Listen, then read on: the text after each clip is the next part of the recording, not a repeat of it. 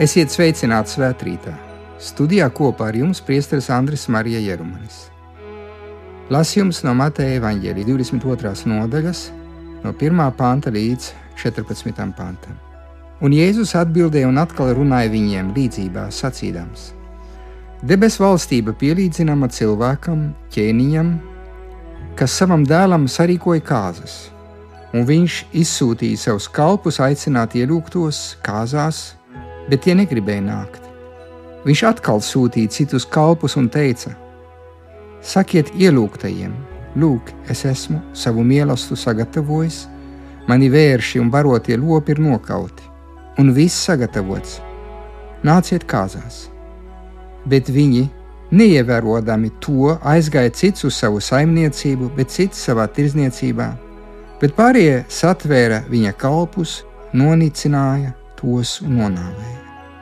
Kad ķēniņš to dzirdēja, viņš sadusmojās un nosūtīja savu karaspēku, nonāvēja šos slepkavus un nodedzināja viņu pilsētu. Tad viņš sacīja saviem kalpiem: Kāzas gan sarīkotas, bet tie, kas bija aicināti, nebija cienīgi. Tāpēc izejiet krustceļos un aiciniet kāzās, ko vien atradīsiet. Un viņa kalpi izgāja uz lielceļiem un aicināja visus, kādus atrada ļaunus un labus, un kāzu nams pildījās viesiem. Bet ķēniņš ienāca aplūkot viesus un ieraudzīja cilvēku, kas nebija tēpies kāzu drānās. Un viņš sacīja tam: Draugs, kā tu šeit ienāci, nebūdams kāzu drānās, bet tas cieta klusu. Tad ķēniņš sacīja kalpiem: Sasieniet viņam rokas un kājas, metiet viņu ārā, ārējā tumsā. Tur būs raudāšana un zobu griešana jo aicinātu ir daudz, bet maz izredzētu.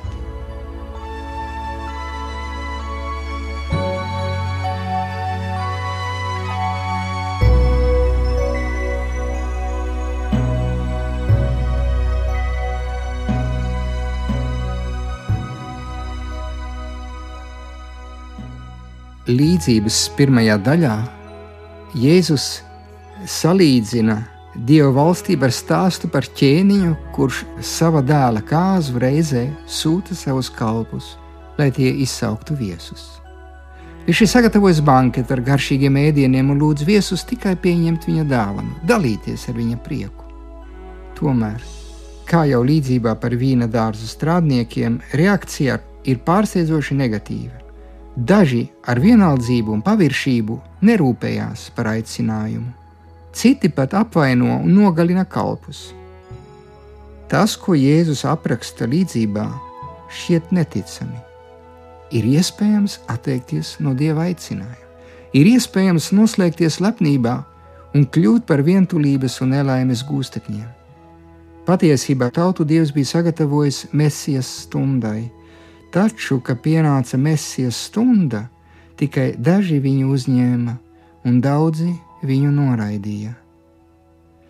Jēzus ļoti cieta par šādu attieksmi, un kādu dienu pat sāka raudāt, ieraugot pilsētu, viņš par to raudāja sacīdams: Ja arī tu būtu sapratis, kas šajā dienā ved uz mieru, bet tagad tas ir apslēpts no tavām acīm. Tā Lukas evanģēlē 19. nodaļā, runājot par Jeruzalemi. Tas ir cilvēka brīvības noslēpums kas var kļūt par grēku, var kļūt par dieva noraidīšanu. Bet dievs ar sirsnīgiem un uzstājīgiem akcentiem brīdina mūs par mūsu ne risku. Pazaudēt dievu nozīmē zaudēt svētkus, vienīgos patiesos svētkus, un tāpēc noraidīt prieka banketu. Tomēr mēs bieži uztraucamies meklējot nederīgas un īslaicīgas lietas vienlaikus atstājot novārtā vienīgo nepieciešamo, proti, pazemīgi atveram savas sirdis dievam, lai viņš tajā ieplūst ar prieka upi. Šajā sakarībā padomāsim par prieka eksploziju, kas nāca ārā no cilvēka sirds, kurš pēc ilgas klaņošanas ārpus banketu zāles nolem ienākt un ir apburts ar bezgalīgu prieku, ko Dievs sniedz tiem, kas atver savu sirsniņas viņam. Es tevi mīlēju vēlu. Tās radības mani turēja prom no tevis, saka Svētais Augustīns. Tās radības, kuras, ja tās nebūtu tevī, pat nepastāvētu. Tu kliedzi, salauzi manu kurlumu, un es tagad ilgojos pēc tevis. Es esmu tevi pagaršojis, un tagad esmu izsalcis pēc tevis un izslāpis pēc tevis. Tu esi man pieskāries, un tagad es degu vēlmē sasniegt tavu mieru. Tā svētais Augustīns pa savu dzīvi, pa savu atgriešanos, atzīšanas grāmatā. To, ko piedzīvo katrs cilvēks, kas satiek Kristu un pieņem šo ielūgumu apsēsties pie viena banketa, satikt viņu Vēl eh, jāpasvītro, ka šajā liedzībā Jēzus lieto apakaliptisku valodu, draudošus tēlus, kuru mērķis nav iedvest bailes, bet tikai parādīt svarīgo, būtisko, kas tiek prasīts no katra cilvēka, kas vēlās ienākt valstībā, un kas ir tikai viens - pieņemt dieva dāvanu. Pieņemt dieva dāvanu. Cik bieži vien mēs nepieņemam Dievs klauvē pie mūsu durvīm, kā mēs to varam lasīt eh, atklāsmes grāmatā, bet mēs viņam neatveram. Mēs esam brīvi viņam atvērti. Bieži vien viņš mūs uzrunā caur notikumiem mūsu sirdsapziņā, caur baznīcu, caur kāda paziņu balss, kas mums atgādina būtiskās vērtības, bet mēs tās nesaprotam. Varbūt par vēlu mūsu dzīvē mēs tās saprotam.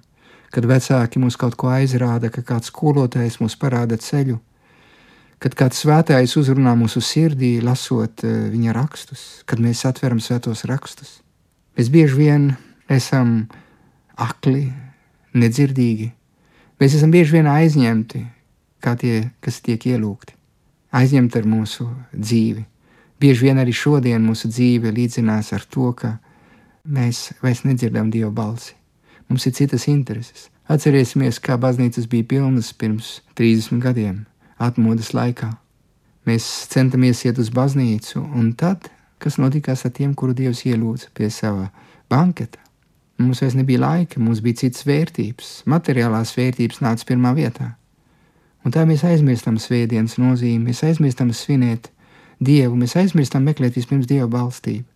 Un tad mēs brīnamies, ka mūsu dzīve zaudē savu jēgu, ka mēs esam tukši, ka mēs nespējam piedot, ka mēs esam sarūktināti Jo mēs aizmirstam to, ko Svētais Augustīns ir piedzīvojis, kad arī viņš atzīstās, kad viņš ir meklējis Dievu tur, kur nebija jāmeklē, ārējās vērtībās. Un eh, tad, kad viņš atklāja to, iestājās viņa dvēselē miers, tas banketu prieks. Jo viņš, kas bija pazudušais bērns, dēls, viņš ieklausījās. Ieklausījās Dieva balsī, un tad viņš saprata, ka viņš saka tādus vārdus, kungs, tu esi mums radījis pēc tavas līdzības, un mūsu dvēsele atrod tikai mieru, ja mēs tevi atrodam. Un tas ir tas, kas mums tiek piedāvāts caur šo līdzību, saprast, ka mēs nevarēsim nekad atrast patieso laimi un patieso mieru. Mēs varēsim viņu meklēt, nomaldīties un arī pazust, jo mūsu dzīve zaudēs jēgu, mums nebūs tā spēka virzīties pareizā virzienā. Meklējiet vispirms debesu valstību, un viss jums tiks dots. Ja mēs redzam, kad uh, līdzībā uh, Kristus sāk uh, pielietot apakaliptisku valodu un draudošus tēlus, viņš arī dod tādu pagriezienu šajā līdzībā. Viņš sāk runāt par karali, kas sūta citus kalpus, lai sasauc uz mīlestību visus, kas atrodas ielas krustojumā. Un viņš saka, ejiet tagad uz ielas krustojumu un visus, ko atrodat, aiciniet viņus uz kāzām. Un e, evanģēlists Luka, salīdzinot ar Mateju, pievieno nozīmīgu detaļu. Viņš saka, ejiet, uzņemiet kropļus, aklos, klibos, veidiet viņus uz mīlestību. Un tas nozīmē, ka mazie, vienkāršie, nabagie, pazemīgie dieva pestīšanu uzņem ar lielāku dedzību. Patiesībā tie, kas domā, ka viņi ir viss, ka viņi ir pašpietiekami, riskē nenovērtēt nevienu dāvanu, pat ne dieva dāvana. Mēs bieži vien esam zaudējuši pateicības garu. Mēs nevienam nepateicamies, ne mūsu vecākiem, ne dievam, ne mūsu skolotājiem, ne mūsu valstī. Visi vienmēr ir vainīgi, jeb viss mums pienākās. Un vislielākā pateicība ir svētā misija, eharistija, kas nozīmē pateikties. Jo īstenībā mēs nepateicamies vai nesaprotam pateicību, tāpēc ka mēs esam tā centrēti uz mums pašiem, ka mēs aizmirstam, ka Dievs nāk vispirms, ka mūsu dzīve ir dāvana, ka mēs neeksistējam paši no sevis, ka mēs arī mūsu dzīvību esam saņēmuši caur vecākiem no paša dieva. Arī ticība ir dieva dāvana, arī mūsu kristības ir dieva dāvana. Mēs esam tik daudz saņēmuši. Un teikt paldies arī dienas beigās, kad mēs lūdzamies, paldies, kungs, par šo satikšanos, par šo burvīgo dienu. Piedod man par to, ko es neesmu izdarījis.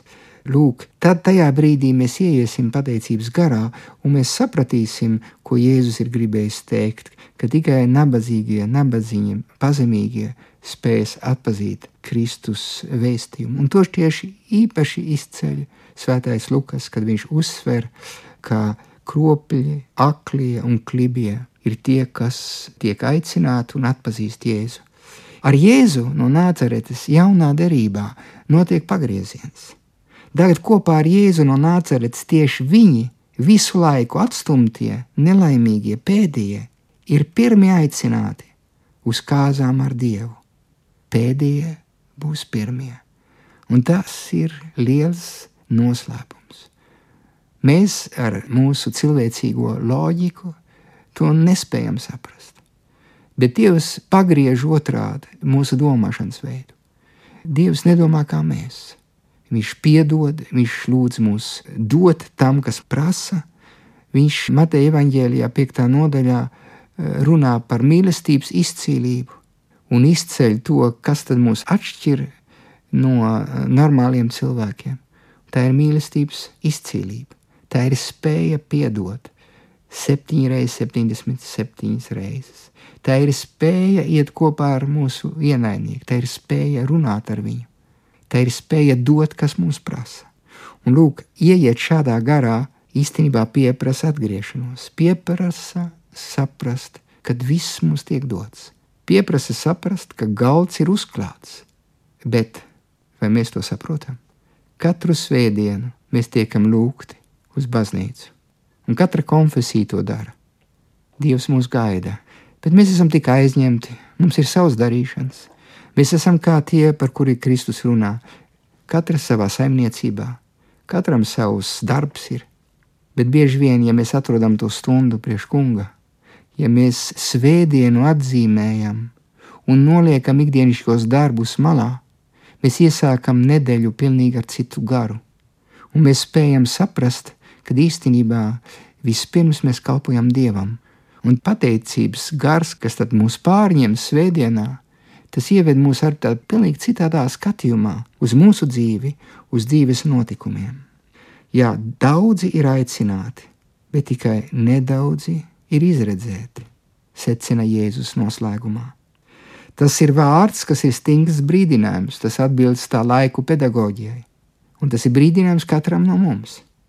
Visi cilvēki ir aicināti uz pestīšanu, uz svētku mīlestību valstībā, bet nevienam tā nav garantēta. Es varu pazust, es varu pazust. Un mēs uzstājīgi lūdzam sev un ikvienam šodien žēlastību, neatteikties no mūžīgās dzīves mīlestības un ieiet tajā kāzu drēbēs, kā mēs to varam lasīt šīs dienas evaņģēlijā. Jo patiešām mums ir jābūt kāzu drēbēs. Tas nozīmē ietērti Kristū. Mums jābūt pēc Dieva līdzības, pēc Kristus līdzības, pēc kristības sakramenta, tērpa, ieģērbti kristības sakramentā, lai varētu sasniegt mūžīgo dzīvi. Ja mēs varam pārdomāt arī šodien, vai mēs kā baznīca, Kristus līgava, esam spējīgi iziet pasaulē un uzrunāt visus, un lūgt šos bērnus apstāties un lūgt viņus piedalīties mīlestībā. Kā mēs to varam izdarīt mūsu pēckristīgās sabiedrības cilvēkiem? Tieši šajā sabiedrībā, kas nespēja vairs ieklausīties Dieva balsī, kas ir aizgājuši tik tālu, kad ir aizmirsuši, kad ir pat dvēsele. Kā tas izdosies pie šiem cilvēkiem, pie mūsu sabiedrības, kas ir pārņemti ar pašpietiekamību, kuriem it kā nav vairs apetītes pēc garīgā, pārēdušies ar trekniem ēdieniem, uz sulīgiem ēdieniem, ar šīs pasaules vērtībām. Tas ir mūsu uzdevums baznīcā, tas ir kristiešu uzdevums. Mēs esam aicināti pieņemt evanģelizācijas uzdevumu, jaunās evanģelizācijas uzdevumu. Mēs visi esam aicināti lūgt cilvēkus pie dieva galda. Mēs esam tātad sūtīti, kā saka Pāvils Francisks, iziet ārā un meklēt un ielūgt visus, piedalīties dieva mīlestībā. Mēs nevaram samierināties, ka mēs esam tāda maza izredzēta tauta. Baznīca eh, nekad nesamierinās ar to, ka viņi ir izredzēti. Baznīca nav nekāda sekta, viņi ir universāli. Viņi grib, lai, lai visi piedalās dieva mīlestībā. Jā, bet kas ir jādara, lai šodien šajā sekularizētā pasaulē ieklausītos Kristus vārdā? Tas ir liels izaicinājums. Mēs esam sūtīti iziet ārā un meklēt un ielūgt visus piedalīties Dieva mīlestībā. Dieva vārdā pastāvīgi parādās šis iziešanas dinamisms, ko Dievs vēlās izsaukt ticīgajos. Abrāms, piemēram, pieņēma aicinājumu doties uz jaunu zemi. Mūzus uzklausīja Dieva aicinājumu: Ej, es tevi sūtu, un izveda tautu ceļā uz apsolīto zemi. Jeremijam viņš sacīja: Tev jāiet visur, kur bez tevi sūtīšu. Šodien šajā Jēzus pavēlē ejiet un māciet, mums ir jākļūst misionāru baznīcai. Mums jākļūst par baznīcu, kas iziet no sevis un kas kļūst par eh, sludinošu baznīcu. Katram kristietim un katrai kopienai jāizšķirās, kurš ir tas ceļš, kurā kungs to sauc, bet mēs visi tiekam aicināti paklausīt šim saucienam iziet no savas komforta zonas un drosmīgi aizsniegt visus nostūrus, kur pietrūkst evaņģēlīja gaisma. Jāatzīmē, ka evanģelizācija ir pēc savas būtības saistīta ar evaņģēlīju pasludināšanu tiem, kas nepazīst Jēzu Kristu un vienmēr viņu nolieguši. Daudzi no viņiem arī senās kristīgās tradīcijas zemēs klusībā meklē Dievu. Visiem ir tiecības saņemt evaņģēlīju vēsti. Kristiešu pienākums ir to pasludināt visiem bez izņēmuma. Viņiem tas jādara nevis kā tādiem, kas uzspiež citiem jaunas saistības, bet kā tādiem, kas dalās savā priekā, paver jaunus, skaistus apvāršņus, piedāvā brīnišķīgu mīlestību. Baznīca aug nevis caur prozelitīzmu, teica pāvests eh, Benedikts 16. un arī to atkārtoja pāvests Francisks, bet caur pievilcību. Jāatcerās arī tie cilvēki, kuri ir kristīti, bet tomēr nedzīvo saskaņā ar Kristus prasībām, kuri neizjūt sirsnīgu piederību baznīcai un vairs nepazīst ticības mierinājumu. Baznīca cenšas panākt, lai viņi piedzīvotu atgriešanos, kas atjaunotu viņos ticības prieku un vēlmi uzticēties evaņģēlijam. Evangelizācija ir ļoti pacietīga, uzticīga kunga dāvanai tā zina arī, kā nest augļus. Kopiena vienmēr pievērš uzmanību augļiem, jo kungs grib, lai tā būtu auglība. Tā rūpējās par kviešiem un nezaudēja mieru nezāļu dēļ. Sējējs, redzot nezāles, uzdīkstam kviešu starpā, nesāk vaimanāt vai satraukties. Tā Kristus mums to māca. Viņš atrod veidu, kā panākt, lai vārds iemiesotos šajā konkrētajā situācijā un nestu jaunas dzīves augļus, kaut arī tie šķietami liktos nepilnīgi vai nepabeigti. Liecinot par Jēzu Kristu, māceklis ir gatavs piedāvāt un atdot visu savu dzīvi, nebaidoties pat no mocekļa nāves. Tomēr viņa sapnis ir nevis iegūt ienaidniekus, bet gan panākt, ka vārds tiek pieņemts un parāda savu atbrīvojošo un atjaunošo spēku. Katrs no mums šajā svētdienā ir aicināts tad pārdomāt, kā šīs dienas evaņģēlijas var mūs uzrunāt. Varbūt es esmu tas kalps, ko Kristus sūta, kuram ir uzdots aicināt tas brālis un tā māsa pie šī galda. Varbūt es esmu pats atteicies, es esmu tik aizņemts, kad es vairs neatpazīstu Dieva balsi. Jeb es to atlicis uz citu reizi, kad man būs laika, bet jebkurā katrā ziņā es esmu aicināts pārdomāt, vai vispār es dzīvoju pēc dāvanu loģikas ja vienkārši es vairs nesaprotu, ko nozīmē dāvana, un viss man pienākās, un es esmu tādā neapmierināts ar to, ka es nekad nesaņemšu visu, ko es vēlos. Jo es esmu aizmirsis, ka mana dvēsele atrod mieru, kā Augustīns saka, Svētais Augustīns, tikai tad, ja es atpūšos Dievā. Amen!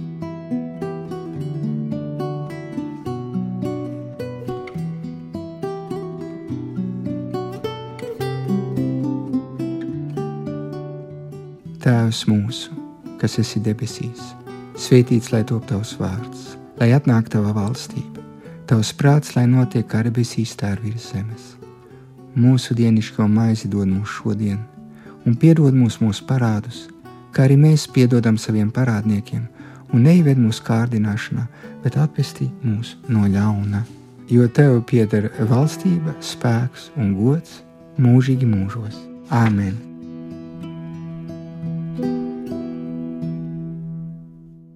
Svētrītā kopā ar jums bija priesteris Andris Marija Jerumans.